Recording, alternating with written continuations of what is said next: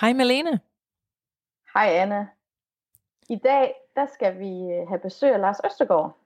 Øhm, og han skal svare på spørgsmål fra ungekrigsledelsen om den her vaccine, som er kommet til Danmark. Hej Lars. Hej Malene. Hvor er det Og dejligt, Anne. at, og hvor Hej. er det dejligt, du er her. Jamen, tak skal I have. Bare en fornøjelse.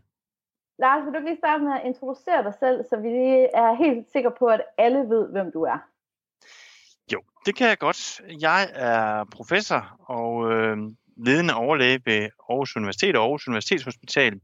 Og øh, mit arbejde det går ud på at øh, sørge for, at de patienter med covid, øh, der bliver indlagt i afdelingen, de får en god behandling. Og øh, så er mit arbejde også at lave forskning, sådan at jeg kan sikre mig, at behandlingen bliver endnu bedre i fremtiden. Det er mig. Det er dig, simpelthen. Øh, og Lars, vi springer simpelthen bare ud i det. Vi har jo fået en masse spørgsmål, og øh, så håber vi, at du kan svare på dem. Yes. Øhm, det allerførste spørgsmål, det er, øh, om man stadigvæk kan bære virusen og smitte, selvom man har fået vaccinen. Ja, det er et rigtig godt spørgsmål, fordi det er der ikke nogen, der ved ret meget om endnu, fordi der er så få, der har fået vaccinen. Men man kan i hvert fald have det på sine hænder, fordi vaccinen virker ikke på de virus, der måtte komme på hænderne. Så altså de virus, man har på hænderne, og som man ikke får spritet godt nok af, dem kan man gå videre, give videre til nogle andre. Så er der det virus, man har inde i sin mund øh, og sit svælg og sin næse. Der ved vi ikke ret meget om, hvorvidt det forsvinder, hvis det er sådan, at man bliver vaccineret. Vi tror, det gør det, men vi ved det faktisk ikke endnu. Så det er jo derfor, at man også skal blive ved med at lave de samme restriktioner og gøre de samme ting, efter man er blevet vaccineret. Øh, I hvert fald indtil videre. Men det kan godt ændre sig, når vi bliver lidt klogere hen ad vejen. Og så, øhm, så har vi hørt om, at der er de her forskellige vacciner, og i Danmark har man en, og, og i nogle andre lande har man nogle andre. Er der sådan, hvad, bare sådan meget bredt, hvad er forskellen på de her vacciner? Øh, forskellen på de vacciner, som man kan få i øjeblikket i verden, det er, at den ene vaccine, øh, det er det, man kalder sådan en RNA-vaccine, og, øh, og det øh, betyder, at man øh, får et lille stykke øh, kodemateriale til at lave det her øh, protein, som øh, kroppen gerne skulle kunne øh, genkende. Øh, fordi det er det samme protein, som er på overfladen af virus, så at kroppen de ligesom er beredt til at øh, kunne genkende virus, hvis det måtte ramme en, sådan at det lynhurtigt kan blive nakket og, øh, og holdt nede, så det ikke sætter sig fast i, i kroppen. Så, så de er en del af vaccinen, og det er dem, vi har hørt om i øjeblikket, der hedder Pfizer og BioNTech, dem der er introduceret, og så den, der hedder Moderna, som er den næste, der kommer øh, formentlig. Øh, de er begge to på, på samme, hvad skal man sige, koncept, altså det, der hedder RNA-vacciner, og det er altså en lille kopi af det her spike-protein, øh, som kommer ind i kroppen, og så kan immunsystemet reagere øh, på det. Øh, det er den ene ting. Og så er der nogle andre vacciner, der er på vej, hvor at man egentlig øh, sprøjter sådan en slags øh, ufarligt snydevirus ind i kroppen, øh, som så går ind i vores celler og laver det her øh, protein. Så der er det simpelthen et lille snydevirus, øh, faktisk en slags forkølelsesvirus, som går ind og laver øh, sådan et snyde øh, protein, som kroppen så reagerer på. Så der er lidt forskellige øh, teknikker, men det korte og det lange i sidste ende, det er, at øh, kroppen skal reagere på det protein, der sidder på overfladen af virus, sådan at immunsystemet kan genkende den her overflade, hvis et rigtigt virus måtte ramme kroppen på et eller andet tidspunkt, sådan at virus så ikke kommer ind i kroppen. Giver det mening? Ja. Det gjorde det. Er der, er der noget, øh, er der nogen, der ved, om den ene vaccine er bedre end den anden, Lars? Nej, ikke endnu, fordi der er ikke nogen, der har lavet forsøg, hvor at den ene vaccine bliver øh, testet over for den anden vaccine og over for den tredje vaccine. Øh, der er nogle planer om at, at starte sådan nogle forsøg i Danmark faktisk, øh, men, øh, men de er ikke gået i gang endnu, og de er heller ikke endelig øh, klar til at, at gå i gang. Så det ved man faktisk ikke endnu. Men øh, de her to vacciner, øh, som jeg snakkede om før, den her Pfizer-BioNTech og den, der hedder Moderna, som altså er på samme, hvad skal man sige, koncept med det her RNA, som kommer ind i kroppen, øh, det er øh, de ser ud til at være stort set lige, lige gode, og det ser også ud til, at de bivirkninger, de har, de stort set er øh, identiske. Så, øh, så det, jeg tror, de kommer til at ligne rigtig meget hinanden. Okay. Er man, øh, er man så beskyttet mod corona efter første stik? Altså, og hvad er, altså, og hvad er forskellen egentlig på de to stik, man skal have? Jamen, øh, man, efter det første stik, så begynder man at blive beskyttet efter fire dage, og efter 11 dage er man faktisk rigtig godt beskyttet. Men der er ingen, der ved, hvor lang tid, at man så bliver ved med at være beskyttet. Den anden dosis, som skal gives der godt tre uger efter, den sikrer, at kroppen kan blive ved med at huske, at øh, den har set vaccinen. Og når kroppen kan huske det, jamen, så er der også en sandsynlighed for, at øh, man kan være beskyttet i længere tid. Så den første, det er sådan en her og nu beskyttelse, og den næste, det er sådan en øh, huske, huske, huskebeskyttelse, som så varer noget længere tid.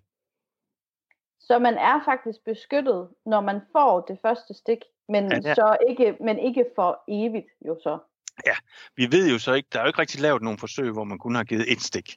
Men øh, det ser sådan ud til, at øh, fra de der forsøg, der er lavet med 60.000 mennesker, at man faktisk er rimelig okay beskyttet øh, allerede efter første stik og 11 dage efter, at man har fået stikket. Øh, der skal jo lige gå lidt tid, før man får den her, det her RNA ind i kroppen, til man får lavet de her øh, proteiner, som så skal lave de her antistoffer. Der går lige nogle dage, der går jo så cirka en god uges tid.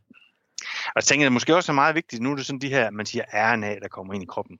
Det her RNA, det bliver nedbrudt lynhurtigt. Så lige så snart det lige har været inde og lave det her protein, så er det faktisk væk igen, og så kan man ikke finde det mere i kroppen. Så det er egentlig er det sådan en, det er sådan en selv, det er sådan et, et det, det er faktisk sådan et forsvindingsnummer. Altså der kommer sådan en kode ind, øh, og, så, og så laver den det der protein, og så forsvinder øh, koden igen. Det er egentlig ret smart. Det er første gang, at når man nogensinde har prøvet sådan en vaccine af. Så. så det er også sådan virkelig historisk? Ja, det er ekstremt historisk. Så og, øh, nu hører vi sådan om, om det, hvad er, det, er det 29 dage, man nu snakker om, der skal være mellem første stik og andet stik. Øhm, men der er lidt, jeg synes, jeg ved ikke, øh, at der er lidt sådan frem og tilbage om, hvor længe der skal gå. Hvad, hvorfor skal der gå længere tid, og hvordan, hvad gør forskellen? Altså. Jamen, øh, der skal gå, øh, der skal gå tre, tre uger, ikke? Ja. så det, det er sådan det, man anbefaler. Og så er, har der været snak om, hvorvidt man måske så skulle øh, lade der gå nogle flere uger. Fordi hvis der nu går nogle flere uger, så kan man nå at vaccinere nogle flere, sådan at de får det første gang. Fordi der er jo mangel på vacciner lige nu. Hvis ikke det var fordi, der var mangel på vacciner, så ville man aldrig nogensinde have den tanke. Men hvis man så kunne, alle dem, som så ligesom skulle have anden stik om tre uger, dem kunne man så sætte til først at få det om seks uger, og så kunne man så øh, give de der, man så ikke fik givet efter tre uger, til nogle andre, som slet ikke havde nået at få første dosis endnu. Og så på den måde kunne man nå at få givet en hel masse første dosis øh, noget hurtigere. Så det, det er bare rent øh, praktisk? Et eller andet ja, sted. det er rent praktisk. Okay. Men der kan godt, der, men der er jo rigtig mange problemer ved, at man så begynder at lave om på, på den måde, man ligesom har gjort i de forsøg, hvor man har jo så fået resultaterne på basis af og, og sådan noget. Så det er ikke, øh, ikke sådan bare lige.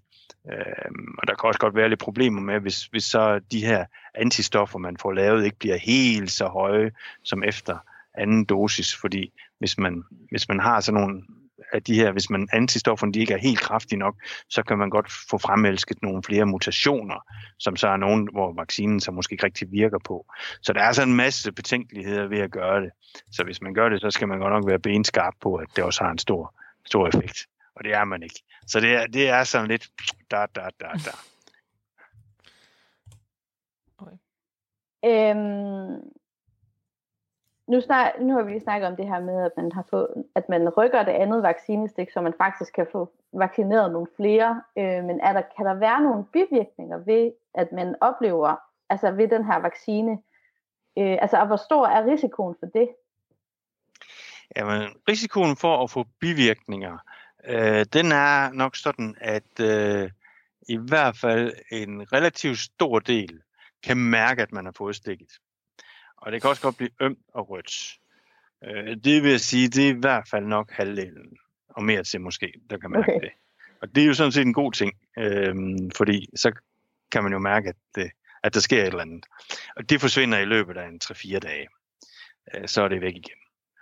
Og, øhm, og så, øh, hvad, hvad, hvad vaccinen så har, og så kan man få sådan et, en øh, allergisk reaktion, hvor man kan risikere at besvime, øh, og måske også få brug for, på lægehjælp, og det er derfor, man lige skal vente 15 minutter, før man går, går ud fra der, hvor man er vaccineret, sådan at hvis der sker et eller andet, så er der nogen, der kan gribe ind. Øhm, og, øh, og så kan man sige, hvad er der så af bivirkninger på, på lidt længere sigt? Og der er der ikke nogen, der sådan har øh, fundet nogle alvorlige nogen. Altså man kan få feber, og man kan få øh, søvnløshed, og man kan få ondt i kroppen og sine muskler og led. Øhm, men igen, det er også noget, der, der forsvinder. Om der så er nogle meget, meget sjældne bivirkninger, som kommer til at opstå, øhm, øh, det kan man jo først vide, når man har måske vaccineret rigtig, rigtig mange. Altså hvis nu det er en bivirkning, der optræder i en ud af en million tilfælde, jamen så bliver man jo nødt til at have vaccineret en million mennesker, før man kan se, at det er en bivirkning.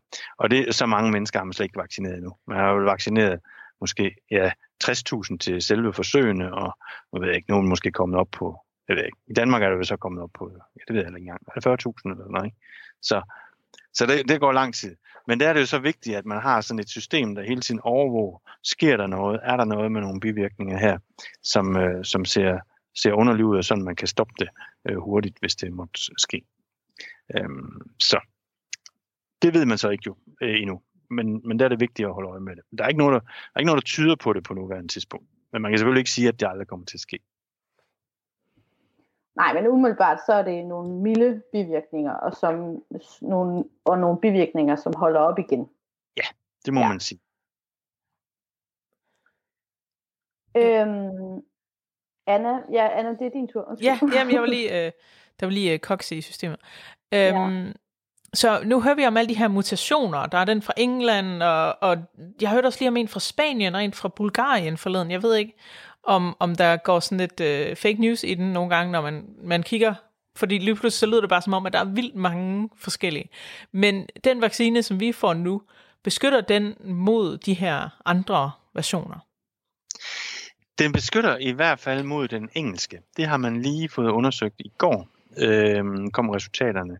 Og, og det vil sige, at den vaccine, der er i gang nu, den beskytter også mod den engelske. Og det er den engelske, vi frygter mest lige nu, fordi den er altså i stand til at sprede sig meget kraftigere og meget hurtigere end den øh, variant, eller den coronavirus, vi har kendt nu i snart et års tid. Der vil altid være øh, mutationer, øh, fordi at øh, virus det øh, deler sig hele tiden, og hver gang det deler sig, så er der risiko for, at der kommer en mutation, og øh, mm, virus det deler sig hele tiden, når det er inde i en krop. Øhm, og de langt de fleste mutationer, der måtte komme, de, kan, de, de, kan, de, de, de får virus til at dø. Øhm, og det, for, men der er altså nogen en gang imellem, der gør, at virus bliver lidt mere øh, enten alvorligt, så den giver en alvorligere sygdomsforløb, eller smitter øh, mere, øh, sætter sig bedre fast i, i, i halsen for eksempel, Øhm, eller måske gør, at vaccinen ikke virker. Og det bliver man nødt til at undersøge hele tiden og følge det. Men så er det også sådan, at mutationerne de kommer hyppigst der, hvor at, øh, jo, jo, jo mere virus der er til at formere sig, jo lettere kommer der nye mutationer. Så hvis vi kan holde virustrykket nede, så kommer der også færre mutationer. Øhm, og derfor er det jo mere, det er jo faktisk derfor, at minkene de må lade livet.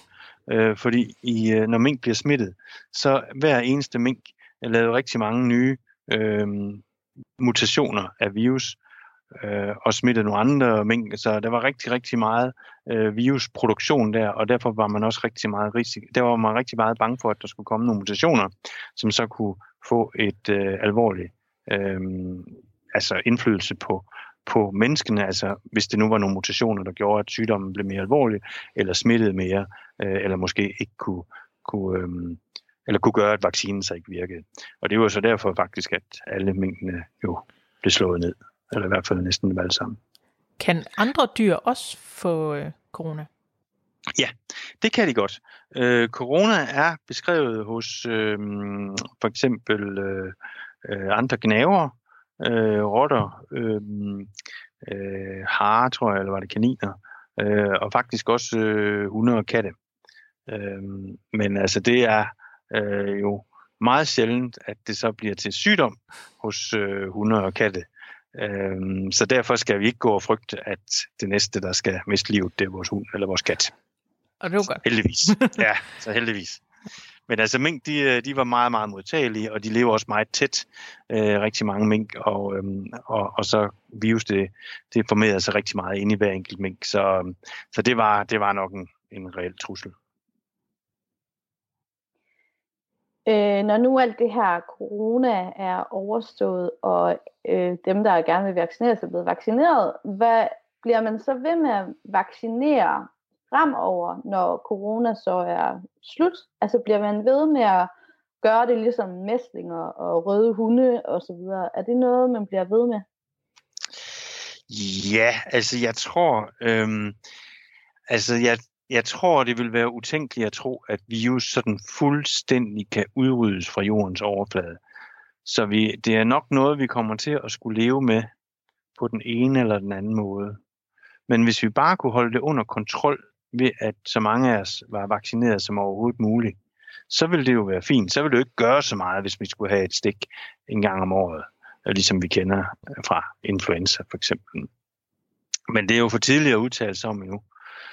Men altså, nu nævnte du selv mæslinger, og hvis det var sådan, at vi holdt op med at vaccinere os mod mæslinger, og faktisk er det bare sådan, at øh, 5% af den danske befolkning skal holde op med at vaccinere sig mod mæslinger, så begynder der at, at sprede sig mæslingeepidemier i Danmark. Og det er faktisk set i nogle øh, områder, hvor at, øh, der ikke har været så mange vaccinerede. Øhm, for eksempel i, i Nordsjælland og også nogle steder, hvor der har været øh, folk øh, af anden etnisk herkomst end danskere, som heller ikke har fået øh, så mange af deres børn vaccineret. Der har der så også været udbrud. Så, så hvis vi nu kunne holde det nede ved, at så mange som muligt blev vaccineret, så ville det jo være, så ville det jo være en bedre måde, end at vi skal have restriktioner hele tiden i hvert fald, tænker jeg. Hvordan, øh, når de her vaccinationer skal gives ud, hvordan prioriteres det?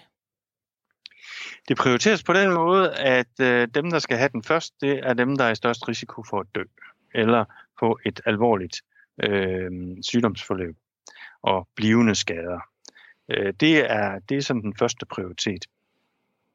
Og, øh, og så i, i, øh, i, som led i den første, eller det bliver så måske anden prioritet, øh, der har man så valgt, at det personale, som øh, er tættest på dem, øh, der øh, er smittet, øh, de også kan blive vaccineret. Og det er jo typisk øh, nogen, der passer smittede øh, patienter på enten hospitaler eller på øh, plejehjem, hvor der også ligger øh, patienter eller personer, der er smittet. Og så øh, derefter, så, jamen, så, kan, så kommer dem, der er i øh, øget risiko for at få et alvorligt forløb. Det er sådan nogen, der har et dårligt immunforsvar, eller mange andre kroniske sygdomme. Øhm, og så kommer det sådan at sige, okay, så starter man så med dem, der er ældst, og så lidt yngre, yngre, yngre, yngre. Og til sidst så har også dem, der har fået, dem der er 18 år, de, det er nok dem, der er 18 år, rask og frisk, øh, og aldrig været syg. Det er nok dem, der får dem sidst. Så vi kan godt, øh, unge mennesker kan godt forvente, at der går lang tid for, at vi får vaccinen. Ja, det, det, bliver ikke lige, øh, det bliver ikke lige i februar, tror jeg. øhm, men, men, om, men, men hvor lang tid der går, det ved jeg faktisk ikke, fordi der er også nogle ting, der tyder på, at man øh, bliver rigtig god til at få lavet rigtig mange vacciner, så måske kommer der mange flere vacciner, øh, før vi tror det. Og øh, hvis der nu gør det, så øh, det er jo ikke svært at vaccinere nogen. Altså det, det er jo nemt. Det er jo bare næsten, altså man skal jo ikke, være, man skal jo ikke have læst på universitetet i syv år for at stikke en kanyle ind i en arm. Øh, så, så jeg tror hurtigt, man kan, man kan få vaccineret rigtig mange mennesker, hvis det er sådan, at, øh, at vaccinen er til rådighed. Og så, så, øh, så, øh, så kan det så gå stærkt. Altså, også med at få vaccineret unge mennesker. Lige før man måske kunne give den til hinanden, ikke? Jo, det kunne da være. Der var, der var der i hvert fald noget drifts, øh, en driftsløsning der på en eller anden måde. Det kan være, man skal bare have nogen til at overvåge, man skal bare have nogen til at overvåge, hvis man nu falder om.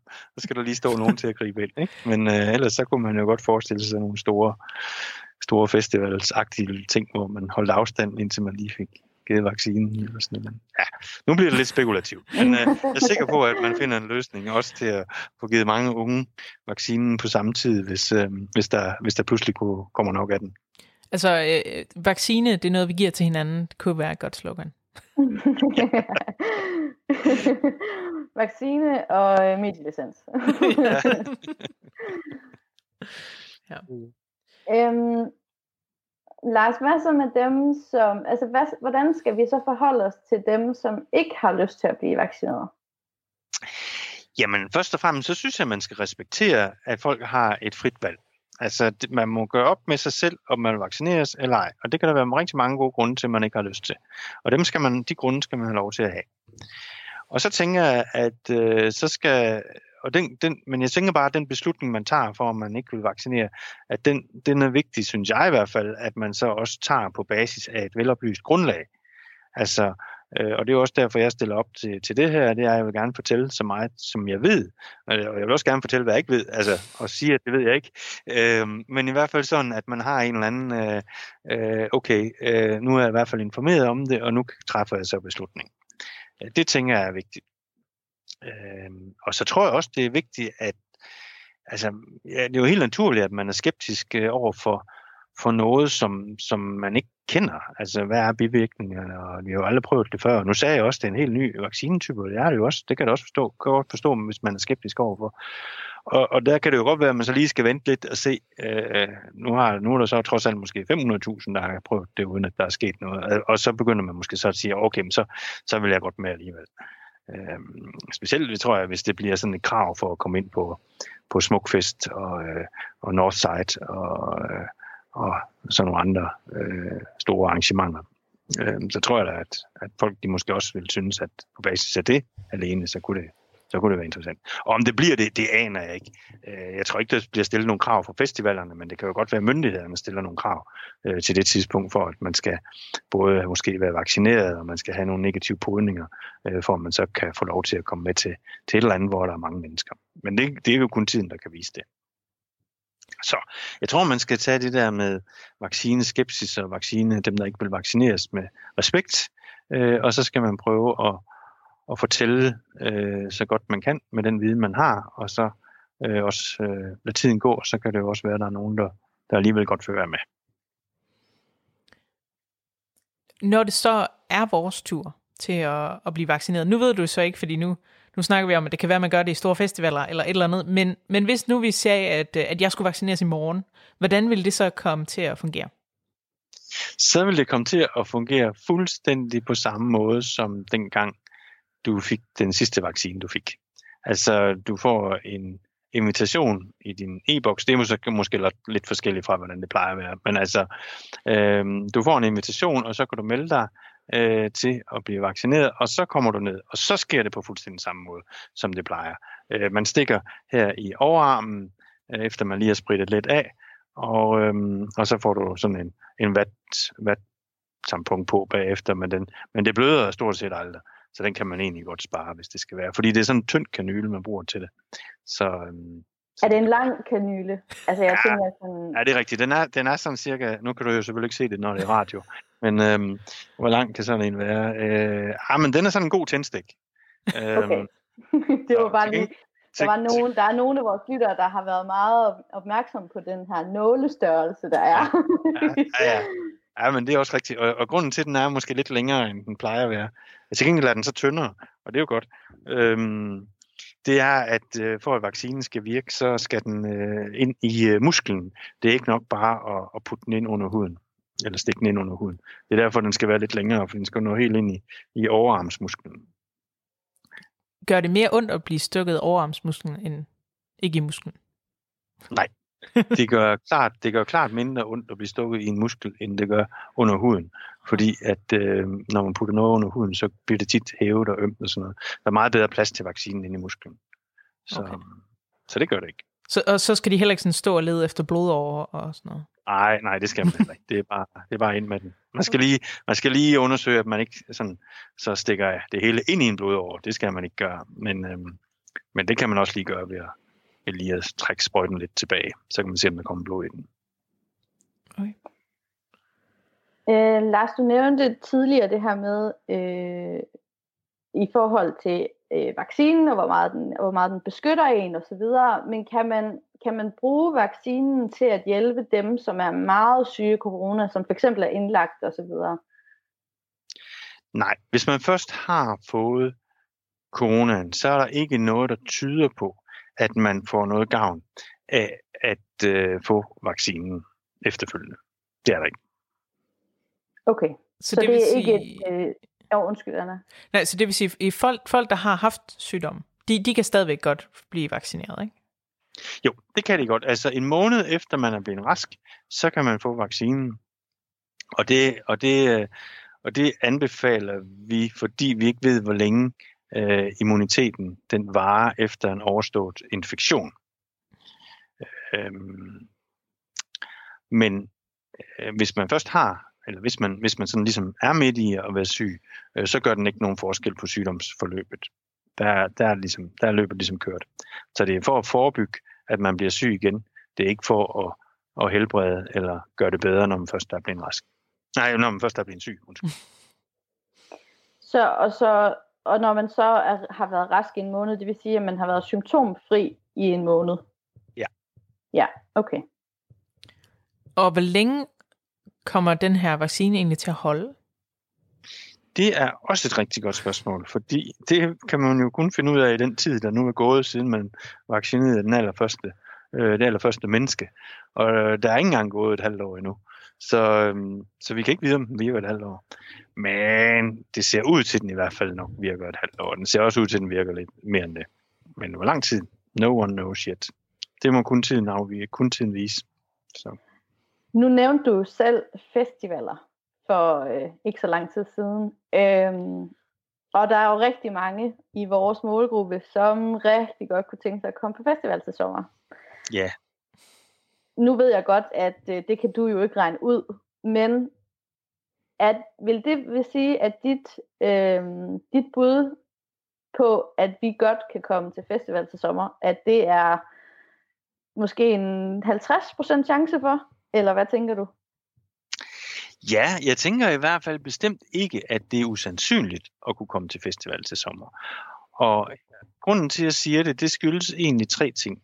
Den ene er, at vaccinen er her. Og jeg tror, der kommer flere og flere doser, så man måske også godt kan nå at få. Og jeg, det ved jeg jo ikke endnu, men, men, men, men, men måske kommer der mange, og så, så er det i hvert fald en mulighed. Så har vi også øh, adgang til øh, de her kviktest i dag, og dem kan man også teste rigtig mange med. Og kviktesten er bedst til at fange dem, der smitter mest. Så, øh, så, øh, så de kan i hvert fald nok også være med til at bremse en smitterisiko. Og den sidste meget vigtige ting, det er, at øh, coronavirus har det med at optræde, når det er koldt, fugtigt og vinter. Og folk i øvrigt er mere sammen indendør. Og ingen af de ting er jo tilfældet, når solen skinner, og bøgetræerne er grønne, og øh, åen løber gennem, vandet løber gennem Aarhus Å forbi øh, Northside, og hvad ved jeg. Så der har vi en helt anden situation, vi har lige nu. Så jeg tror, at smittetrykket alene på grund af øh, årstiden, den også kommer til at være mindre, når det bliver sommer. Vi, det håber øh, Når man opbevarer den her vaccine, så skal den, den skal opbevares, så er det minus 80 grader eller noget af den stil. Øh, ja. og, man, og man må ikke ryste den, og der er sådan alle mulige øh, sjove ting. Øhm, har det noget at gøre med, altså er det fordi den er så speciel og, og ny? Og, ja. det er det. Øh, det har faktisk noget at gøre med, at det her, øh, kan I huske, jeg sagde det her RNA, øh, som ligesom bliver som sådan en, en kopikode, øh, som kommer ind i, i kroppen, og som, og som forsvinder af sig selv igen lynhurtigt. Det er nedbrudt. Lige snart det er lavet det her, så er det nedbrudt igen. Og det, og, det, og det er jo også derfor, at den så er lidt mere ømtålig. Altså det her, den her nedbrydelse, den, den kan starte tidligere end det. Og, øhm, og det er derfor, man skal holde det så koldt. Fordi det er faktisk sådan et enzym, der gør det. Det er også en enzym, vi har inde i kroppen, men det er et enzym, der er overalt, altså øh, på ens hænder og øh, alle mulige steder. Så derfor øh, er den sådan lidt mere skrøbelig og sårbar for at blive nedbrudt. Og derfor skal den opbevares under de her øh, meget øh, kolde temperaturer. Men øh, det tror jeg også, det er sådan noget, der kommer til at ændre sig, når man bliver sådan lidt bedre til at, at måske øh, skåne eller pakke det ind, eller altså det her lille øh, RNA-molekyle, så, så tror jeg, at de ting kommer til at ændre sig. Men lige i starten, så er det rigtigt, at det skal være meget koldt. Men man kan godt, så øh, det er jo så, så blander man sig, altså blander man det i noget, noget vand, når det, øh, og, og så kan det altså godt holde sig i 6 timer øh, efter det. Så det er ikke sådan, at man får sådan en øh, isklump på øh, minus 80 grader øh, sprøjtet ind i, i, i sin i muskel i overarmen. Det gør man ikke. Der er det altså normal temperatur på det tidspunkt. Men det er mere, når det skal transporteres. Okay. Jamen, Hvordan, øh, hvordan, hvordan gør man det, Lars? Altså, hvordan tra- transporterer man noget, der er så koldt øh, langvejs? Altså, det er, da, det er da svært, uden at Ja. ryste det også. Ja, men det kan man godt. Man kommer i sådan nogle øh, kvælstoftanke, blandt andet. Der, der kan man få meget, meget kold. Øh, der kan det blive meget, meget koldt nede i.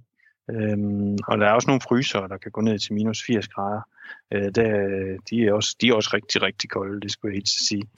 Øhm, så man skal ikke tage det med, man skal ikke tage, tage på det med fingrene, så, så fryser fingrene fast. Men, øhm, men det gør de heller ikke. De har handsker på, sådan nogle frosthandsker, dem der håndterer dem. Så. Og så har jeg egentlig lige øh, et lille sidste spørgsmål. og Det er den her, øh, der er mange, der er lidt, øh, måske har lidt en skeptisk over, skepsis over for den her vaccine, fordi den er blevet lavet så hurtigt. Øhm, men er der nogen grund til det? Øhm, altså skepsis, det er, jo noget, det er jo noget, man har i sig. Det er jo ikke sådan noget, man kan sige, om man har grund til at skulle være det. Men altså, jeg vil sige, jeg, jeg er ikke skeptisk. Øh, og, øhm, og de undersøgelser, der skal til for at godkende noget, det er jo sådan set de samme undersøgelser, som altid skal til, når man skal til at godkende noget. Så jeg vil sige, altså på den måde er jeg ikke, øh, jeg vil ikke være bange for at få vaccinen. Øh, på grund af det i hvert fald. Det, det vil jeg ikke være. er du selv blevet vaccineret? Det er jeg faktisk. Så, øhm, og øh, det gik egentlig rimelig godt. Du besvimede ikke? Nej, det gjorde jeg ikke. var, det, var det ikke også lidt et, et, øh, stort op, øjeblik at være med til? Jo, det var et rigtig stort øjeblik. Jeg vil sige, det var næsten et større øjeblik øh, for mig at få lov til at give den første vaccine til en sundhedsmedarbejder. For det fik jeg nemlig lov til. Så det var før jeg selv blev øh, vaccineret. Men øh, det var sådan en af dem, der stod aller tættest på os. Så, så det, øh, ja, det var, det var, det synes jeg var meget stort. Det var nærmest lidt historisk. Fordi normalt tager det rigtig lang tid at lave vacciner. Og øh, det er kun lidt over... Nej, ved I hvad, jeg tror faktisk i dag... Nej, det passer ikke den 11.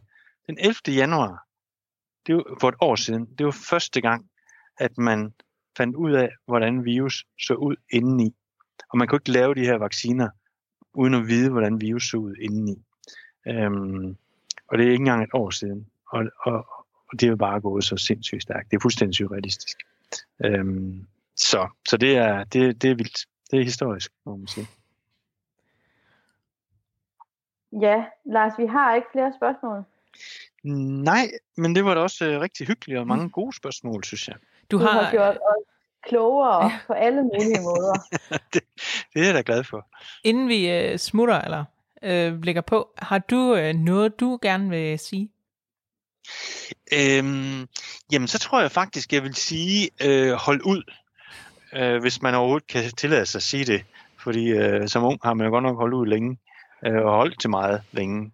Men jeg tror altså, øh, hvis vi nu kan lige få de næste måneder til at gå, øh, så kommer foråret, og så er der så mange, der er blevet vaccineret, tror jeg også, øh, at øh, vi begynder at se noget, der kunne nærme sig nogle normale omstændigheder igen. Og det synes jeg, vi alle sammen trænger til.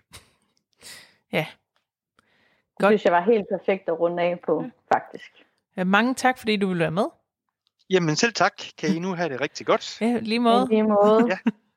Hej hej. Hej. Hej. Tusind tak til Lars, fordi at han lige gad at bruge noget tid, øh, hans travle dag, på at fortælle os noget om den her vaccine. Det har i hvert fald gjort mig meget mere klogere. Ja, samme her. Ja, og Øh. øh, Og så er der jo håb, lyder det som om. Og så skal vi jo bare alle sammen sidde og vente på, at vi får det brev i vores e-boks, så vi kan få vacci- så vi kan blive vaccineret, og så vi kan forhåbentlig få en lille bitte smule hverdag tilbage igen. Og der er jo rigtig meget håb forude, fordi altså, han benægtede ikke, at vi kunne tage til festival sommer i hvert fald. Så. Nej, han, det gjorde han nemlig ikke. Altså, kom, og det kommer jo selvfølgelig an på nogle, nogle ting, ikke? Men, ja. men øh, jeg så, synes, jeg er fyldt med, jeg er ikke lige så, hvad skal man sige, jeg er mere håbefuld nu, end jeg var for en time siden. Ja, og jeg tror, eller jeg håber i hvert fald også, at det her, det kan øh, motivere nogen, der ikke lige overholder de der, de der forslag, som vi snakker om, øh, restriktionerne, til rent faktisk at gøre det. Fordi hvis vi nu vi er rigtig gode nu, så får vi virkelig en stor gave lige om lidt. Lige om snart. Ja, Når solen den uh, skinner, og uh, hvad var det, Lars sagde? Uh, uh, jeg kan, nu kan jeg ikke huske det noget med... Når solen skinner, og vi kan være udenfor, ja. og det ikke er så fugtigt og koldt, og så kan vi få lov til at være udenfor igen. Og ja. så kan vi få lov til forhåbentlig at have en lille bitte smule normalitet. Malene, bare tænk på... Sid i botanisk have med et koldt glas hvidvin. Jamen altså, det kunne være så dejligt. ja, ikke? ja, så det er det, vi kan se frem til. Nå, men øh, tak for, at I lyttede med. Og jeg håber også, I har fået noget ud af det her, kære lyttere. Og øhm, hvis I kunne lide det, så, øh, så del det endelig og giv os nogle stjerner ind på øh, jeres podcast-app. Og I kan selvfølgelig finde os ind på, øh, på Instagram på Aarhus Lytter, og, øh, og hvis I har noget, I gerne vil dele med os, så kan I både skrive derind, men I kan også øh, skrive til os på Aarhus Lytter, aarhus.dk. Og øh, så pas på hinanden derude, og vi lyttes ved.